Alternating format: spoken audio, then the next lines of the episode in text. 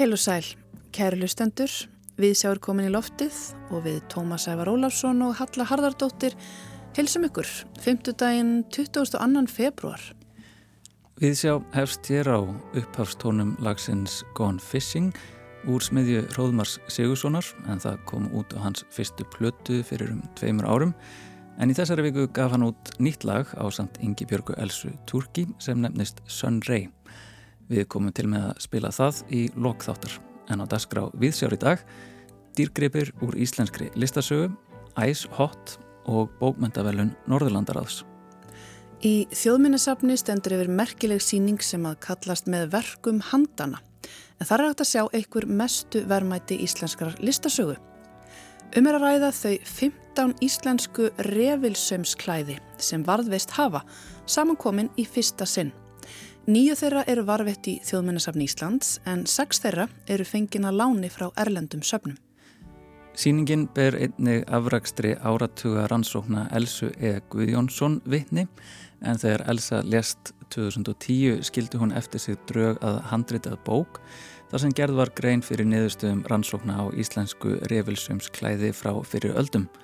Bókin sem kallast með verkum handana kom út samhliða opnum síningarinnar Við lítum inn á síninguna með Svanhildi Óskarsdóttur, professor í Norrænum fræðum í þætti dagsins.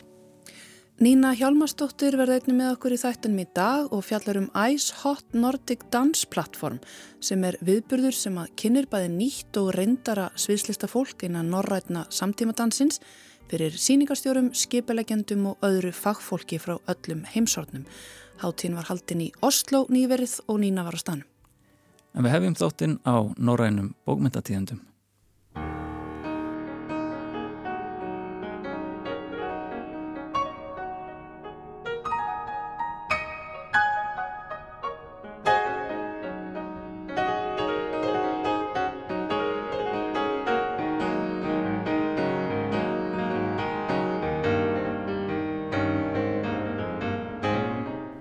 Þrettán skáldsögur, ljóðasöfn og frásagnir hlutu í morgun tilnefningu til bókmenta veluna Norðurlandaráðs 2024.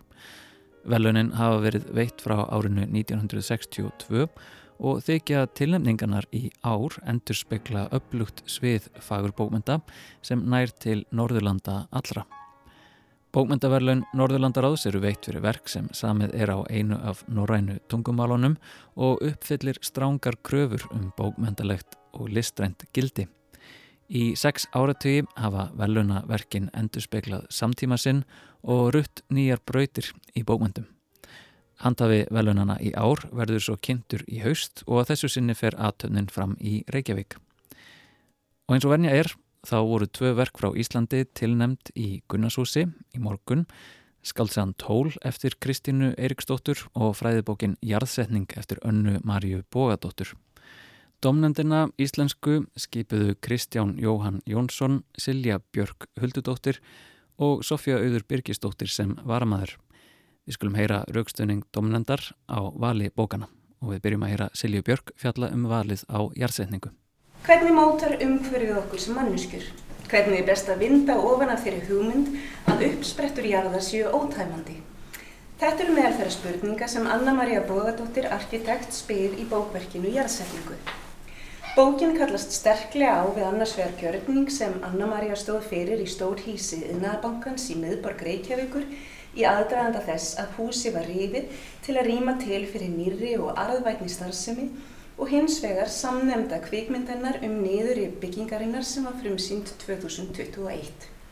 Í 40 myndaopnum bókarinnar sem eru vel staðsettar í textaflæðinu má sjá ljósmyndur önnumaríu frá niðurrifinu og stillur úr kvikmyndinni á samt eldri svartkvítum ljósmyndum sem fanga notkun byggingarinnar með tilherandi mannlífi.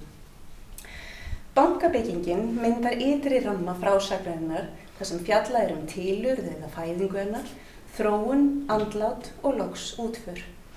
Jafnvel þó stóðhísinu hafi við byggingu verið ætla hlutverk til langra framtíðar fekk það aðeins að þjóna tilgangi í rúma halva öld áður en það var dæmt úr leik og afskrifað sem einnóta.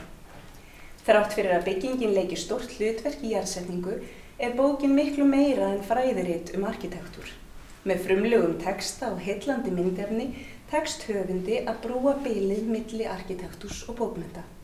Jarðsetning er áhrifamikið verk og persónulegt þar sem höfundur speklar sig sem mannisku og eigið æfiskeið í sögu umrættar byggingar. Því eins og Anna-Maria orðaða þá geymir hús líkt og líka minn minningar og kannski erum við all byggingar, ímest á leið í urðun eða uppfyllingu. Jarðsetning er ekki aðeins saga af húsi heldur geymir hún þroskasögu höfundar sjálfs og er í þeim skilningi margslungin skaldæfisaga. Anna-Maria deilir minningum af uppvakstar árum sínum í fáminu sjávarþorpi og austfjörðum, unglingsárum í Reykjavík og leit að réttri mentun sem leiðir hana til Fraklands að lesa frönsku, heim til Íslands aftur að nefna bókmentir, til Danmarkur í tákfræði og menningafræði og loks bandaríkjana í arkitektúr. Samhliða eigin þróskasögu stiklar höfundur í fyrstu personu frásögn á stóru í því samfélagsumrúti sem orði hefur vegna tæknibreitinga, aukinar alþjóðavæðingar og sífælt umfangsmýri áhrifa kapitalismans. Eftir því sem sjóndeldarhingurinn stækkar fara efasemtir hennar um ágæti ímis að kerfa að hreyra um sig og Anna-Maria gerir sér sífælt betur grein fyrir því að yfirborð og innihald fara ekki andilega saman.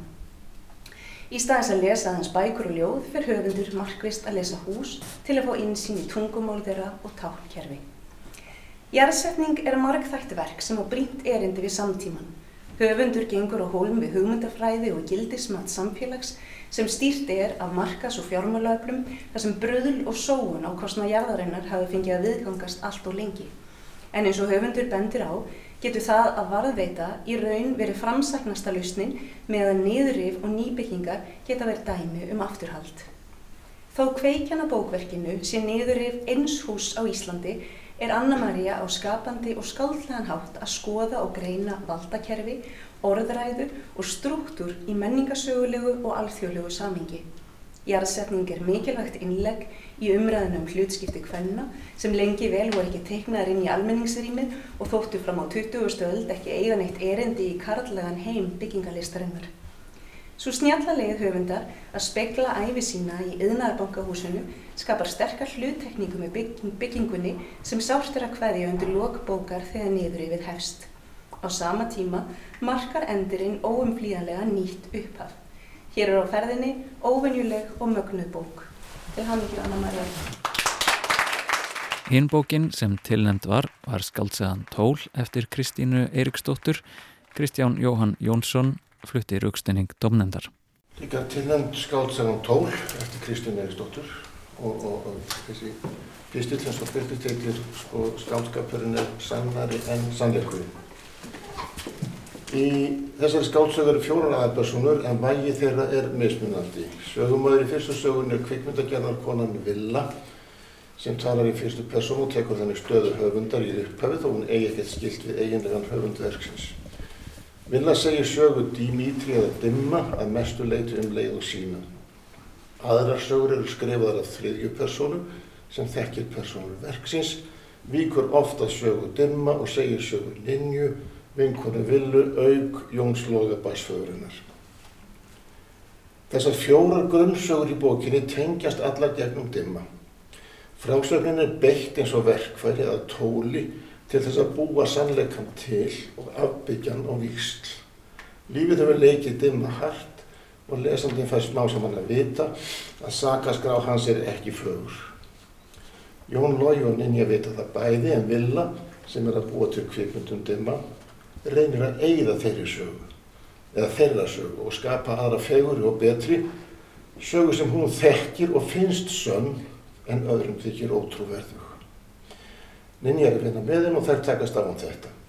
Villa vill að skálskapur hennar sé sannleikur, þannig skilur hún við fórsefni sitt vegna þess að hún hefur annars sjónarhótt en heimis. Villa og Dimmi tengjast á unglingsárum og þá voru þau að sjálfsögðu önnur en þau eru orðin á frásæknartíman. Villa á dreng sem hún vill ekki bregðast en gerir það samt á miklu leiti að einhverju leiti virðist hún ætla kvikmyndinni að verja bensku þeirra dimma og jafnframt sakleysið sem benskan geymir. Dimmi er á sögutímanum orðin kvalviði maður og hórmángari og bæði glíma þau við fíknivanda sem hefur breytt þeim og rænt þeim personuleika sem villu finnst að eitt sinn hafi verið þeirra og samur á sinn hátt. Í upphafisögun er vilja stöld á kveikmyndaráðstöfni Svíþjóð til þess að tala um kveikmynd sína og þar verður áreikstur á milli skálskapar og upplýsinga. Og í þeim áreikstri hefst skálsagan tól. Smá saman verður ljóst að saga allra aðalpersonana snýst um baráttu við að halda æfi sinni í línulegri frásögn sem samfélaginu gefjast að. Svo línulega frásögn er alls ekki sannari en henn tilfinningatengli skálskapur Vilju sem Kristín Eiristóttir hefur sett saman og tengt við söguna af Jóni Loga og Ninju. Og hvaðan kom svo einlega svo hugmynd að mannlífið ætti að vera raukrétt og línulaga. Tól eftir Kristín Eiristóttir er glæsilega fléttuð frásögn sem rýstir djúft í greiningum sínum á mannlífinu, jafnframt augrar verkið vinsælum hugmyndunum um rétthugsun, skáldskap og málfelsi og það mætti bara bæta því við svona fríhendis að heimurinn er jú allur í uppnámum þessar myndir út af sambandunum millir sannleika og skátskapar ekki satt. Það er eitt, eitt helsta uppnámi sem er í gangi kringum okkur. Takk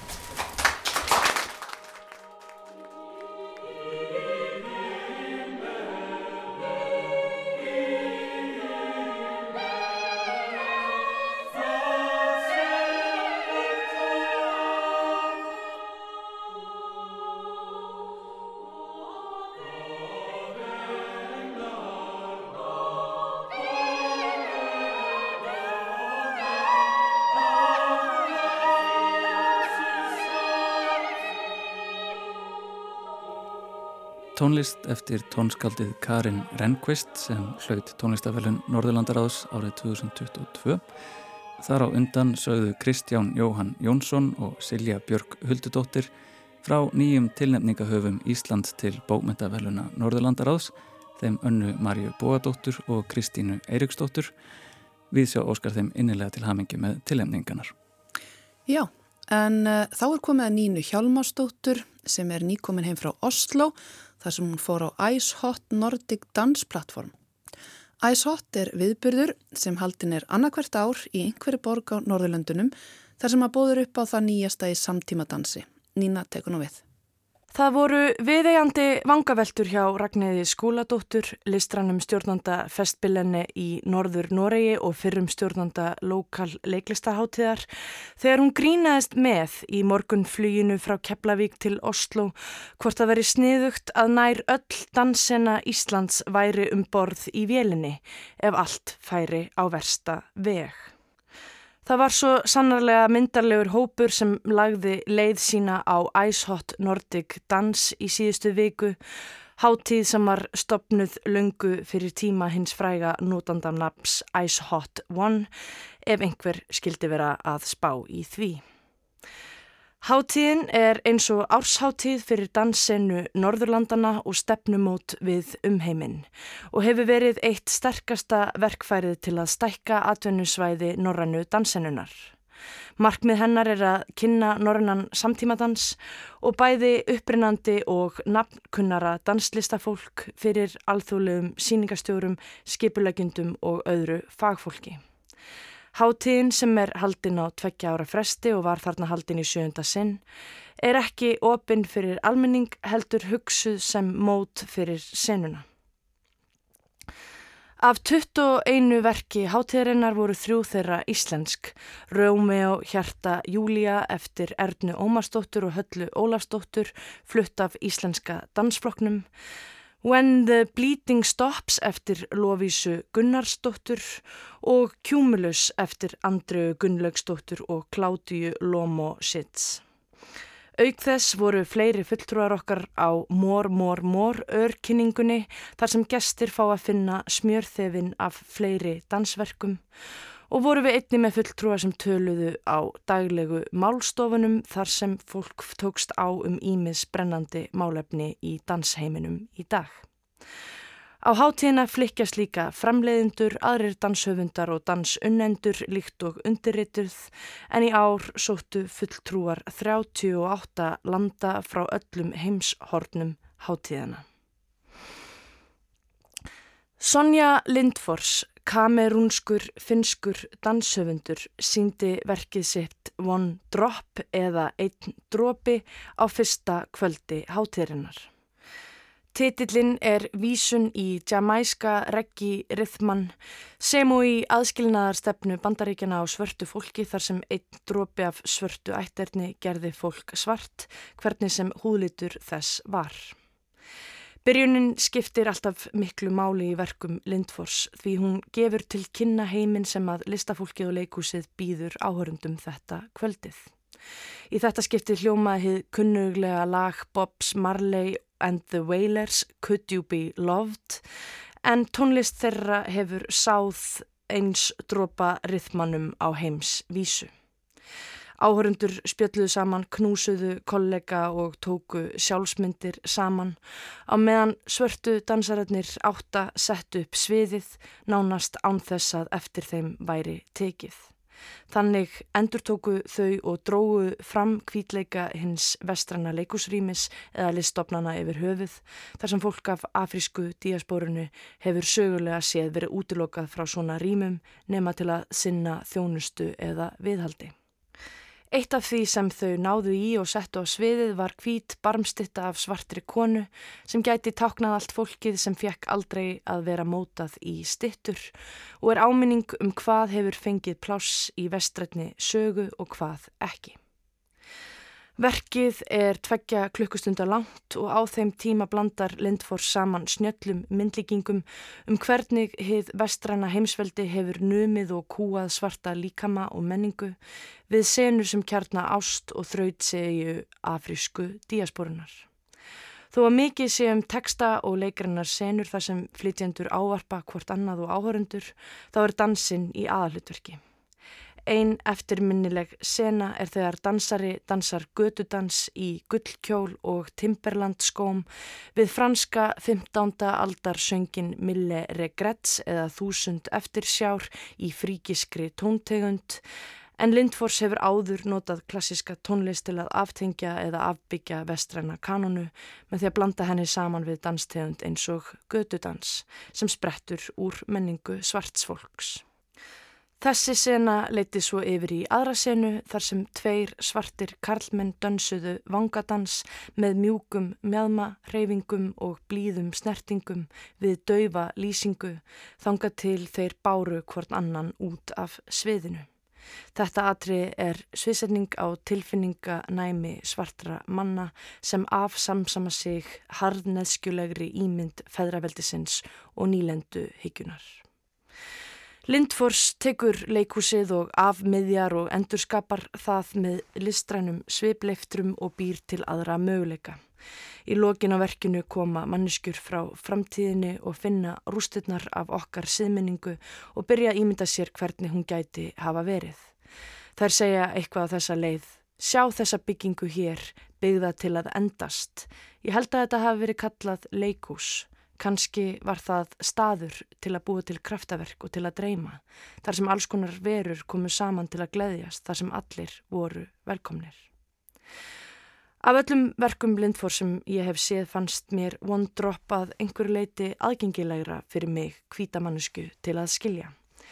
Mér þótti á stundum sem að verkið væri búið til fyrir mig og jafnvel leið mér eins og flytundunir væru að predika yfir mér um nýlendu, hyggju og rasisma en alltaf tekst leikusinu eða dansinum þar að segja að afvopna mig. Í mestu pretikunar senunni varð ég vörfið svarta konu sem satt nokkrum sætum frá mér, rópa upp fyrir sig af gleði, líkt og flítundunir væru loksins að orða eitthvað sem hún hafiði þráð að heyra í þessu samingi. Og ég áttaði mig á því að kannski væri þessi síning ekki einungis gerð fyrir mig. Þetta er eitt af því sem gerir verk Lindfors svo djúsi.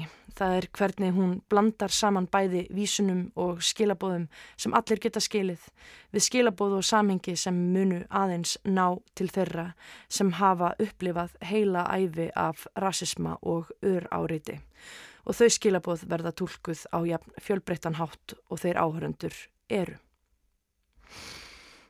Annað verk sem stóð upp úr á hátíðinni ber nafnið Batty Boy og er eftir og flutt af hinnum norsk-jamæska Harald Behari.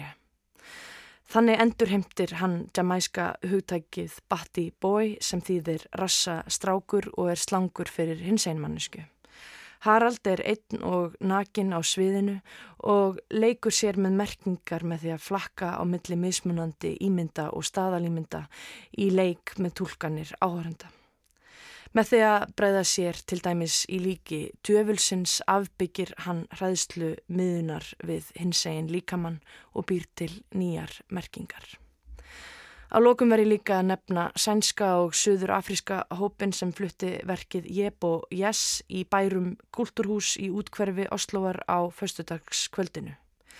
Verkið var svo rætt og teknilega krefjandi að ég fjekk á einum tímapunkti gusur af gæsahúð vegna nákvæmni og hæfileika dansarana þar sem þau blanda saman söður afrískum easy pantsula dansi við dansstíla eins og popping, house og hip-hop, allt innan ramma samtímadansins. Fyrir þau sem ekki vita þá fættist Easy Pantsula sem svar við nauðungarflutningum aðskilnaðarstefnunar í Suður Afríku á 5. og 7. áratögnum þar sem hópar af eldri mönnum tóku þátt í óformlegum götu danskeppnum en setna var dansstílinn meðal annars notaður til að veikja aðtikli á baráttu gegn alnæmis sjúkdónum. Þetta verk kom mér skemmtilega óvart þar sem mér líkaði ekki við það til að byrja með. Þanga til rithmin heldtók mig gjörsamlega og smitandi gleðin frá röðum dansinum snýri upplöfinunni alveg við. Það var bersinilegt hverjum hátíðargesti að áherslan er að breytast í norrænum samtímadansi og þar er æsott greinilega einn af brautrið í endunum. Þrátt fyrir að mörg verkin fjallu ennþá inn í hefðbundna sjónarhorn kvítra var greinilega verið að nota fjölbreyttari dansmenningu og umfjöldunar efni en áður hafa fundist. Þó að Sonja Lindfors sé nú þegar þekkt nafn í senunni voru önnur verk eða rattir sem hafa hingað til verið jáðarsett ábyrrandi. Þá má nefna finsk samísku danshöfundana og sýsturnar Bíret og Gatja Harla Pjeski sem og finsku danshöfundana Kajsa Nieminen og Marika Peura en hópurinn þeirra hefur starfað frá því þau voru úlingar og þau hittust reglulega til að deila mismunandi klúpa og dansstílum. Af fólki á málstofunum má til dæmis nefna hérna grænlensku Siri Pálsen sem tók þátt í panel um dans í Grænlandi og var það framlag í síðbúna viðurkenningu senunar á grænlenskum dansi. Ef þessi dansrýnir reynir að kjartna einhverja ströyma í norranum dansi þá má sjá þá þróun að samtímadansin er að opna sig fyrir þeim áhrifum sem mótuðu hann en hafa verið kvítþegin úr þeirri sögu sem dansnefnendur læra í háskóla. Danshöfundar eru að huga að samstarfi með ólíku fólki og huga meðal annars að hústónlist, götudansi og afrísk-amerískum dansi, listastefnum sem blómstruðu á sama tíma og á sama svæði og postmodern dansin sem við sækjum uppruna okkar til án þess að viðurkenna hvaðan hann fekk sinn innblástur. Að lókum vil ég nefna að þó svo að framgangur dansenunar á Íslandi og bygging almennilegs danshús virðist ekki vera efst á stefnusgrá núverandi stjórnmalda, þá er mikil gróska í norranum samtímadansi og þar eru íslenskir danslistamenn alls ekki síðri en aðrir. Á æsott voru kynnslóðir af dönsurum samankomnar, bæði þær sem eru brautriðendur í íslensku dansinunni og hafa þurft að vinna með slakan aðbúnað og stuðning og svo nýja kynnslóðin sem stendur á herðum þeirra eldri. Hún stendur framið fyrir þeim veruleika að lítið hefur breyst, að fólk er að vinna við óásættanlegar aðstæður sem eru oft hættulegar því það er ekki til aðbúnaður sem býður upp á öryggi og þarf því að vinna í senu þar sem fólk brennur út vegna skorts á fjármagni. Þessi nýja kynsloð sér í rauninni fremtíð sem er bara frekari sjálfbóða vinna og það dregur mikinn vind úr seglum íslensku dansinunar. Ef við tökum verk eins og Rómi og Hjarta Júlia sem er að mínum er eitt magnaðasta verk íslenska dansflokksins þá var augljóst að norrænir gestir og kollegar okkar töldu þetta vera eitt af hápunktunum og voru forvitin um hvaðan þetta frumlega og tilkomið mikla verk kom og hvernig það var búið til. Á sama tíma vita þau ekki að flokkurinn hefur verið að vinna þetta verk án fjármagns og að verkið varð bara til vegna þess að það var framleitt í Þískalandi. Þau vita ekki hvað það er mikið grettistak sem verður að viðurkenna. Í samanburði má ímynda sér ef líkilfólk í öðrum íslenskum listgreinum væri að vinna án fjárhagslegs stuðnings að stórum verkum sem rata á stóra vettvanga til dæmis íslenska framlægið til Feneja tvíeringsins. Dans er stórkustlegt listform sem tjáir merkingu sem fangast ekki í orðum, sem ljáir dansinum einstaka færni í að ná til fólks þvert á landamæri og samfélagshópa. Það væri sannarlega óskandi að íslenska senan fengi jafn mikla viðurkenningu innanlands og hún fær á vettfangi líkt og æsott. Nína Hjálmarsdóttir saði frá viðbyrðinum Ice Hot Nordic Dance Platform sem fór fram í Oslo á dögunum. En þá fyrir við vestur í bæ og inn á þjóðminnasafnið en þar stendur yfir tímamótasýningin með verkum handana þar sem að hægt er að sjá einhver merkustu vermæti íslenskar listasögu. Um er að ræða þau 15 íslensku revilsömsklæði sem varveist hafa í fyrsta sinn saman komin. Nýju þeirra eru varveitt í þjóðminnansafni Íslands en sex þeirra eru fengin að láni frá erlendum söpnum. Eldstuklæðin eru frá því skömmu fyrir aldamótin 1400 en þið yngsta frá 1677. Sýningin er árangur og niðurstöður áratuga rannsókna Elsu E. Guðjónsson á Revilsöymi en þegar Elsa lest árið 2010 skildi hún eftir sitt drög að handriti að bók það sem gerðvar grein fyrir niðurstöðum rannsókna á íslensku reyfilsums klæði frá fyrir öldum. Bókin sem kallast með verkum handana kom út samhliða opnum síningarinnar en samstagskona Elsu, Lilja Árnadóttir, laug við verkið með aðstóð frá merði Árnasinni. Næstkomandi sunnudag flyttur Svanildur Óskarsdóttir erindi um eitt verkana, Reykjalíðaklæðið sem er í eigu danska þjóðminnesapsins. Klæðið var saumað á 15. öld og sínir atbyrði úr æfi Marju Mejar. Svanildur er doktor í Norrænu fræðum og starfar sem rannsóknarprofessor á menningasviði stopnunar Árna Magnússonar og ég hitti hanna á síningunni í morgun. Svanildur, þá eru við komnað hérna inn í rökkrið og hér eru þessi stórkostlegu verk sem að eiga það öll sameiginlegt að elsa rannsakaðu. Það er eiginlega svona það sem að tengir þau, ekki satt. Jú, hún náttúrulega bara held ég breytti sín okkar og heimsins á, á þessi verk sko. Og, og það er svo ótrúlega magna að koma hérna og fá tækifæri til þess að sjá þau saman. Af því þá einhvern veginn að mér fannst það þegar ég kom hérna fyrst á síninguna að, að það lögst bara einhvern veginn upp fyrir mér þessi myndheimur kirknan okkar. Núna eru auðvitað við eigum nokkrar gamlar kirkjur og, sem er ótrúlega gaman að heimsækja eins og ég bara nefni að kirkju í skafafyrði en þær eru eh, kannski bæði er það náttúrulega rokkið þar inni. Þannig að það er eitt sem maður fyrir að hugsa um þegar maður sér þessi klæði.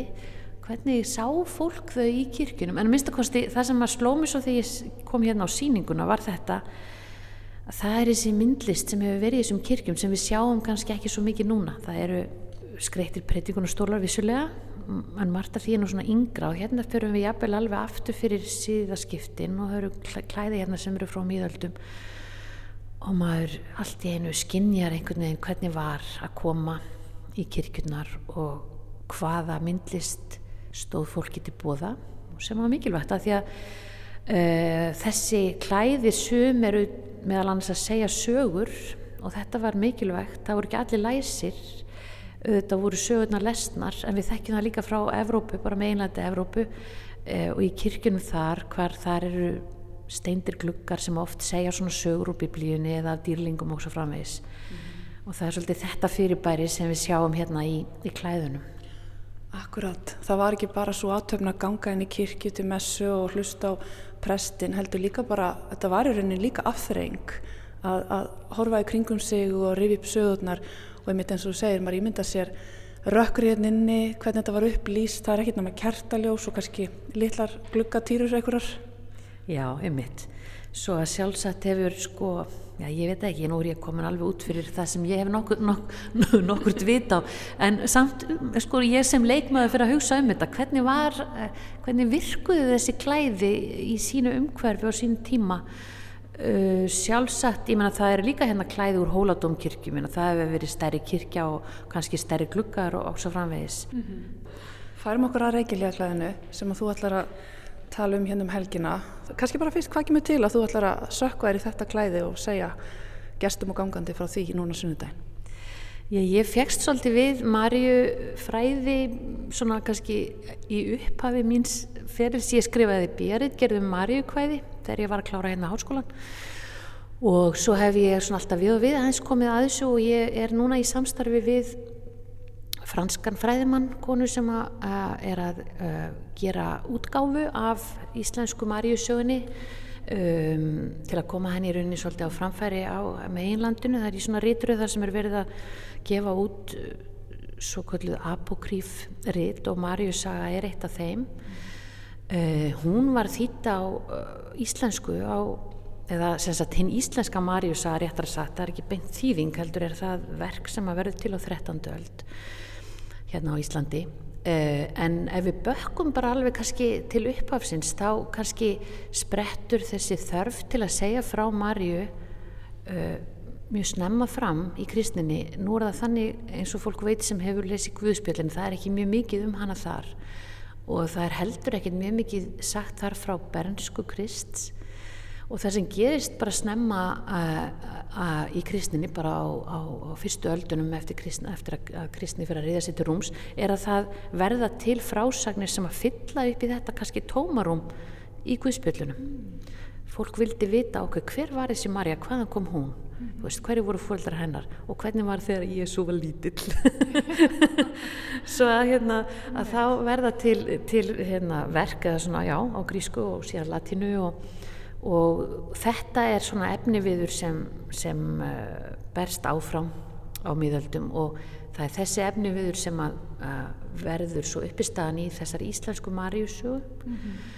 um, sem að uh, talið er að prestur að nafni Björn Hjaldarsson, Kigri Björn Hjaldarsson hafi sett saman við veitum nú ekki alveg sönnur á því en, en það er heldur kannski engin sérstöku ástæð til að reyngja það og uh, já, það er sem sagt og síðan, og, og það að þessi saga verður til á 13. öld hér, hún kannski tengist líka því að Maríudýrkun fer mjög vaksandi eftir því sem líður á miðaldir þannig að þeir eru komið fram á 13., 14. og 15. öld og nú er þetta reykjarlíðarklæði frá 15. öld samkvæmt rannsóknum Elsu mm -hmm. uh, það er svona hápunktur kannski í Maríudýrkun á Vesturlöndum mm -hmm. En eru margar hliðstæður í annari myndlist frá þessum tíma hér á landi til dæmis? Og, og er Marja sínileg í okkar menningu á þessum tíma? Eða er þetta einstakt klæði? Það er sko bæði og, uh, jú, Marja er sínileg, það er til dæmis ymmit á þessum svona á síðmiðöldum þá verða til talsvært mörg Marju kvæði um hana. Og það svona eiginlega sem er svona tilbeðsla til hennar þannig að hún er mjög sínileg í bókmöndunum það er líka mjög mikið að hjarteina sögum semst kraftaverkarsögum sögum af því hvernig uh, eh, Marja gerir kraftaverk. Þetta er mjög vinsælt greinilega því að það er mikið til að þessu á síðmiðöldum hérna uh, og svo uh, nú er aftur myndlistin ekki mitt svið en ég bara hef lært af Elsu að jú það voru þetta líka líkneski í kirkjunum og það eru líkneski til hérna á þjóðminnarsafninu uh, af Marju uh, og hafa sjálfsagt verið til miklu fleiri því að svo eh, náttúrulega eftir síðbreytinguna þá fer margt af þessu forgörðum. Mm. en svo er þetta nefnilega líka eru myndirnar hérna á klæðinu eru nefnilega líka einstakar segir Elsa, því að það eru hérna atriði, nú er klæðið ef við snúum okkur aðeins að því og horfum á það þá eru, þá eru þar nýju myndreitir og sko myndirnar í sumum af þessum reytum eiga sér ekki hliðstæðu í íslenskri myndlist það verður ekki varðvest allavega sko. mm -hmm. þannig að þetta eru einu myndirnar af sumum mótífunum sem við eigum frá, frá þessum tíma Hvaða mótíf eru það sem eru alveg einstök? Já, það er nú einmitt. Ég, það er til dæmis hérna síðasta myndin sem að sýnir flóttan til uh, Egiptalands. Það er eitt af því sem að, að hún nefnir hún, hún Elsa að sé, hún hafi ekki fundið uh, hliðstæður hérendis og líka önnur myndin, það er það, er það sem að Marja kemur með fóröldru sínum, Jóakim og önnu til mustrisins um, og þetta er, er bara mjög merkilegt og gaman að, að hérna, þetta skuli vera til sko. mm -hmm. En þetta er eins og þú segir að tölum aðeins um þessa myndbyggingu, ég veit ekki hvað þetta er stórt klæði, kannski meter, sinu meter eða eitthvað, þetta er ekkit mjög stórt en ótrúlega vel varveitt og uh, við sjáum hérna eins og segir nýju ringi þar sem að er Saga Marju rakin. Og svo inn á milli höfu þessa þennan útsaum sem að er uh, munstur sem að Elsa vantarlega hafði einhverja hugmyndur um. Segð mér hans líka frá því sem er að gerast á millireitana Já, uh, sko það sem allavega uh, sem slær mig kannski uh, í þessum munsturum millireitana er eiginlega rósin, það eru, það eru hérna, hver, mynd, hver einasta mynd er umkringd af svona rauðum hring og, og á hringnum eru, eru svo aðeins svona lillir skildir eiginlega með rósamunsturinn inni og þetta er svona áttablaða rós. Sko rós rósin er líka ták fyrir Marju alveg svo Liljan þannig að, að, að þegar að ég hugsaði um þetta út frá efninu þá finnst mér það mjög lógíst að það séu rósir hérna allstar á milli mm -hmm. en svo er mitt uh, ef við tökum sko söguna aðeins fyrir mm -hmm. þá, þá eru þetta eru nýju reytir eða nýju myndir og þrjári hverju röð og þessir nýju reytir þeir eru sem sagt segja frá eða sína atbyrði úr lífi Marju en þeir eru kannski allir úr fyrri hluta sögu hennar að því að, að e, þeir, síðasti e, reyturinn er flóttinn til Egiptalands þegar Jésu er ennþá bara kornabara eða mjög lítið en svo heldur sagan í rauninni áfram e, síðari hluti Maríu sögu fjallar um hana í gegnum bara písl Krists og líka um æfi hennar eftir að hann deyr og síðan um hennar eigið andlát og um hennar himnaför en það kemur okkur ekkert við hér því að þetta er bara um, um, um fyrirhlutan og þá skulum við byrja á því að tala um að þarna á, í fyrsta reiknum þar er, er fæðing Maríu og, og þar eru foreldrar hennar sem sagt og og, og, eh, og ljósmóðir segir Elsa, Elsa þessi þrýða fíkuran mm -hmm. og Marja er þannig eh, barn sem er lift upp þannig í rúminu og um, svo kemur uh, nummer tvö, það er þessi reytur þar sem sýnir það hvern, þegar að fóreldrarnir fara með Marju í musterið. Og, og þar er, sérð hún stendur upp á svona einhverju sem er röndótt, þetta eru pallar, það eru semst, segir frá því í sögunni að það voru 15 pallar í musterinu.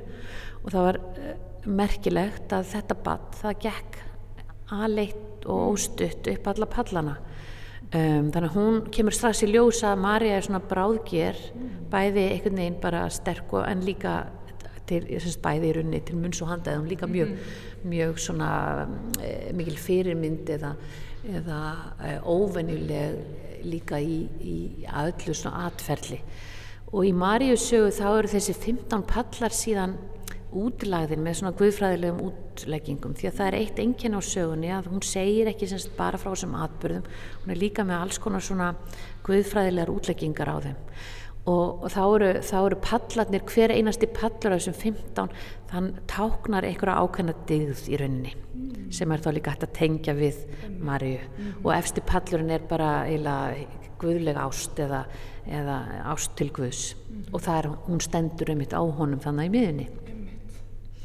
Svo kemur þriðja, uh, þriðja myndin og það er um hennar trúlofun.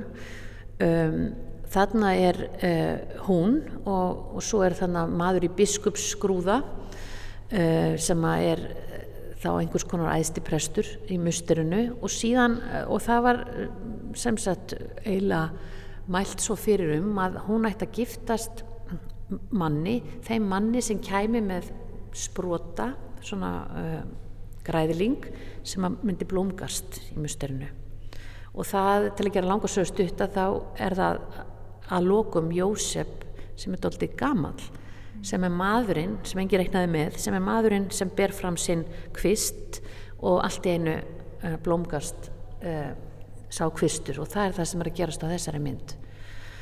Um, síðan kemur mið með röðin með þremur aftur myndum og þá er það til vinstri er, er bóðun Marju og í miðjunni er fæðing Jésu mjög við hæfið auðvitað hún sé miðjumyndin mm -hmm. á klæðinu og svo þarna eru, eru fjárhiðarnir þannig að þetta er svona snýst allt í rauninu um, um, um hérna um, um Jésu og fæðingu hans og hann kom í heiminn sem er náttúrulega hitt stóra mál og. Endurlausnarinn sko. og það er gaman þarna í, á bóðunarmyndinni þar er einmitt uh, smá texti. Það er byrjunin á Ave Maria það stendur Ave Maria G þannig að byrjunin á Marju bæninni Ave Maria Grazia Plena. Og það er líka skemmtilegt að þú sér það bæði Gabriel Erkengil og Marja eru með bók. Mm -hmm. og hérna þannig að það er þarna kemur svona bókin inn í og kannski lærdómurinn og verðað undirstryka að Marja hafi mitt líka verið þú veist, hún var hérna vel aðeins sér Einmitt.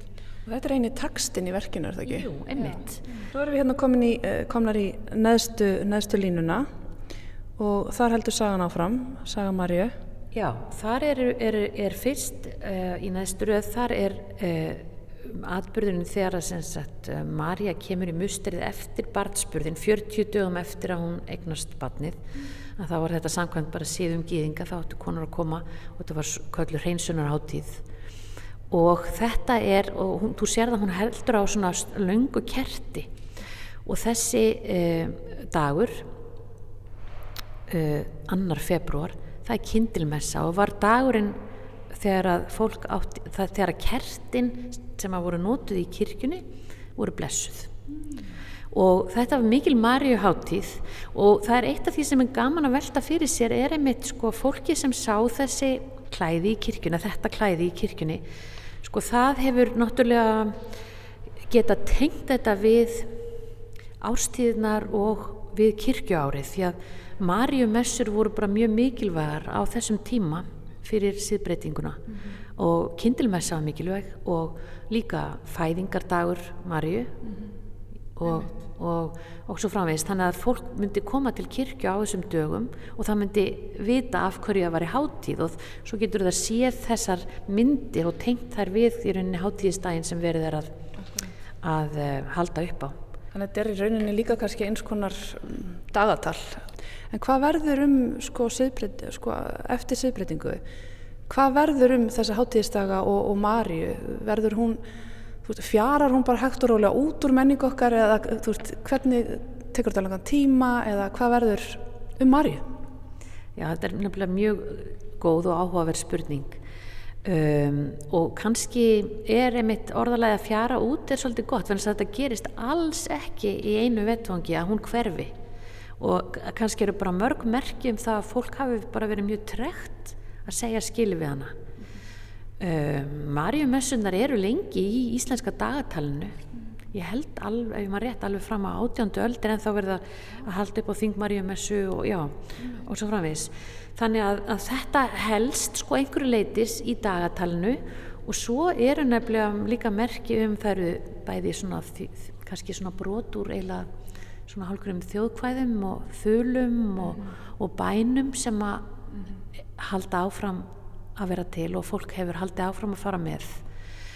Svo er líka að því að við erum nú að tala hérna um akkurat þetta efni að, að sem að er sagt, upprunni Marju og, og, og bar, bar, bernska Jésu að það er svo merkilegt að svo e, á, e, eftir síðbreytinguna að þá dreifist í handritum hér teksti sem heitir oft Bardómurinn Kristi eða Bardómsa Jésu eða eða upprunni Maríu og bardómur Jésu það er ekki Maríusaga það er uh, samt texti sem er sprottin upp úr í rauninni sama uh, sömu upprunna heimildum en er uh, skrifaður á dönsku og gefin út á prenti 1508 sem sagt fyrir síðbreytingu en er síðan þýttur og, og berst áfram í handritum hér eftir síðbreytingu. Þannig að þetta er ekki prenta hér, heldur gengur í handritum af því að þetta er auðvitað hálf svona pábíst eða kathólst, mm -hmm. en sínir samt hennan áhuga á Einmitt. þessu efni sko. Mm -hmm. Hvernig var Jésús þegar hann var lítill?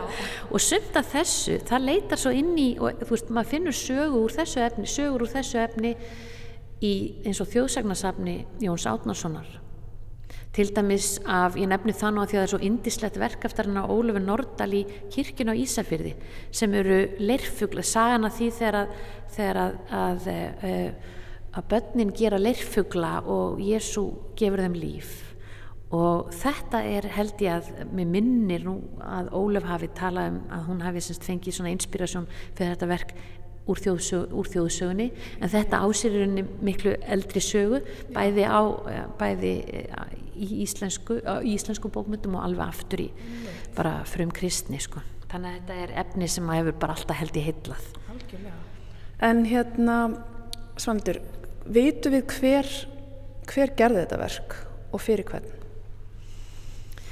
Nei, það held ég nú ekki sko uh, en, en uh, þetta er sko ég held að að þarna, þarna hafi verið konur sem að unnu þessa, þessar, uh, þessi verk uh, fyrir kirkjur þannig að það er kannski bara svona stóra myndin. Það er ekki heimildur um það hver hafi pantað þetta eða hvernig ferli hafi nákvæmlega verið. Nei, sko uh, Elsa, hún til dæmis í sambandi við þetta reykjarliða klæði þá, þá svona leikur hún sér svolítið að þeir, þeirri hugmynd uh, að þetta klæði hafi kannski verið gert fyrir kirkjun á Grenjaðarstað. Þar var sko prestur um, þarna á fyrirluta 15. aldar sem passar í rauninni við þann tíma sem klæðið hefur verið gert af því að það er núna búið að finna það út með geyslakólsrannsóknum að það er uh, uh, upprunna tíminn en hún leikur sér með, með það sko að, að, á þessum tíma var prestur á Grenjaðarstað sem heit Jón Pálsson var kallaði Marjuskáld og uh, getur vel verið að hann hafi kannski orrt eitthvað af þeim kvæðum sem ennþá eru varðitt frá þessum tíma þó að það sé ekki hægt að tengja hann við alveg tiltekinn kvæði kannski, en hún sem sagt leikur sér svolítið með þá hugmynd Elsa mm -hmm. að af því að hann hafi verið svona hændur að Marju og mikill Marju kannski dýrkandi sjálfur að hann hafi kannski hlutast til um það að þetta klæði hafi verið gert fyrir kirkjuna þar og svo hafi hann, hún setna, hafi það setna komið í Reykjavíða kirkju þetta er bara, við getum ekki vita þetta. En þetta er bara svona, já, þetta er svona spekulasjón, en ég held að það sé það sem æmitt, þessi síning færir okkur svo heim og það er það sem er svo áhrifamikið við hana, það er þetta að maður sér þess að myndlist hvernig allt í nú bara spretta fram einhvern veginn í þessum verkum mm -hmm. og listfengið bæði bara hvað þetta eru ótrúlega oft velgert og líka litirnir þetta hefur verið júrtalitað mm -hmm. uh, og mikil hugsun farið, farið líka í hvernig á að velja saman liti hvernig á að byggja upp myndirnar það er einhver leiti líka uh, það er líka einhver leiti einhvers konar þekking og hefð sem við getum tengt líka við verka eins og íslensku teknibókina sem er svona fyrirmyndabók mm -hmm. og Elsa gerir það einmitt mikið í bókinni sinni að, að sína okkur hvar eru augljós kannski tengst við hugmyndaheimin sem líka byrtist í teknibókinni sem að önnur góð fræðikona Guðbjörg, Guðbjörg Kristjánsdóttir listfræðingur hefur líka fjallað svo vel um mm -hmm. svo að það er þetta sem að slærmann sko, það er bara að fá að líta þessi hérna, verk kynsistra okkar augum hérna á þessari síningu Sannarlega. Og maður veldi fyrir sér sko fyrst að það eru svona ótrúlega listaverk til og það er ekki mikið varvist þetta eru þetta uh, efni sem er erfitt að varvita að það hljóta að hafa verið miklu meiri framleyslega en þetta er það bara getgáttur en já þetta snertir mann djúft bara að sjá þessi verk hérna. Mér langar að spyrja öllstýttar lókum það eru 15 verk hérna nýju þeirra eru í eigu Íslenska ríkisins og eru hér á þjóðmunnsafninu sex koma utanfrá og þar á meðal þetta verk sem að eh, er í eigu danska ríkisins og kom hingað í ferðarlag. Það er áhugaverð þessi saga þessari verka, hvernig þau ferðast á milli. Getur þú sagt mér að lókum hvernig þetta verk endaði í Danmarku? Já, það var um, það var af hálfu danskra yfirvalda þá var á 19. öldinni e, bara verið að spyrjast fyrir um e, gripi af þessu tægi og voru sendir út ég með segja spurningalista til presta og þeir gera þá grein fyrir um, verkum sem eru til dæmis í kirkjunum og svo framvegis og það er held ég ástæðan fyrir því að þessi verk sem eru í þjóðminnarsafni dan að fara þanga það er bara leiðin til þess að varðveita þau. Við getum verið þakklátt fyrir það er ekki víst að þau hefði varðveist ef ekki hefði komið til þess. Og síðan sem betur fyrir höfum við fengið sum þeirra aftur en ekki öll.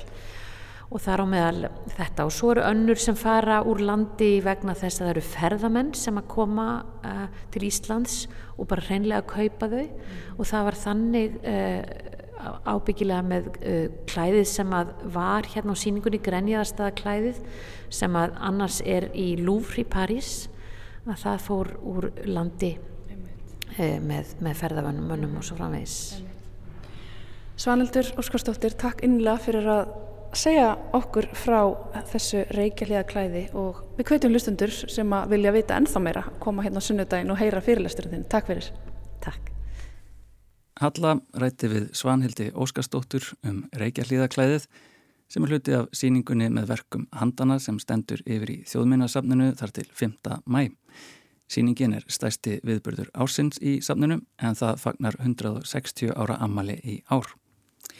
Og við endum þáttinn á glænir í tónlist eftir Yngibjörgu Elsu Turki og Hróðmar Sigursson. Hér heyru við lagið Sunray. Takk fyrir að hlusta og verið sæl.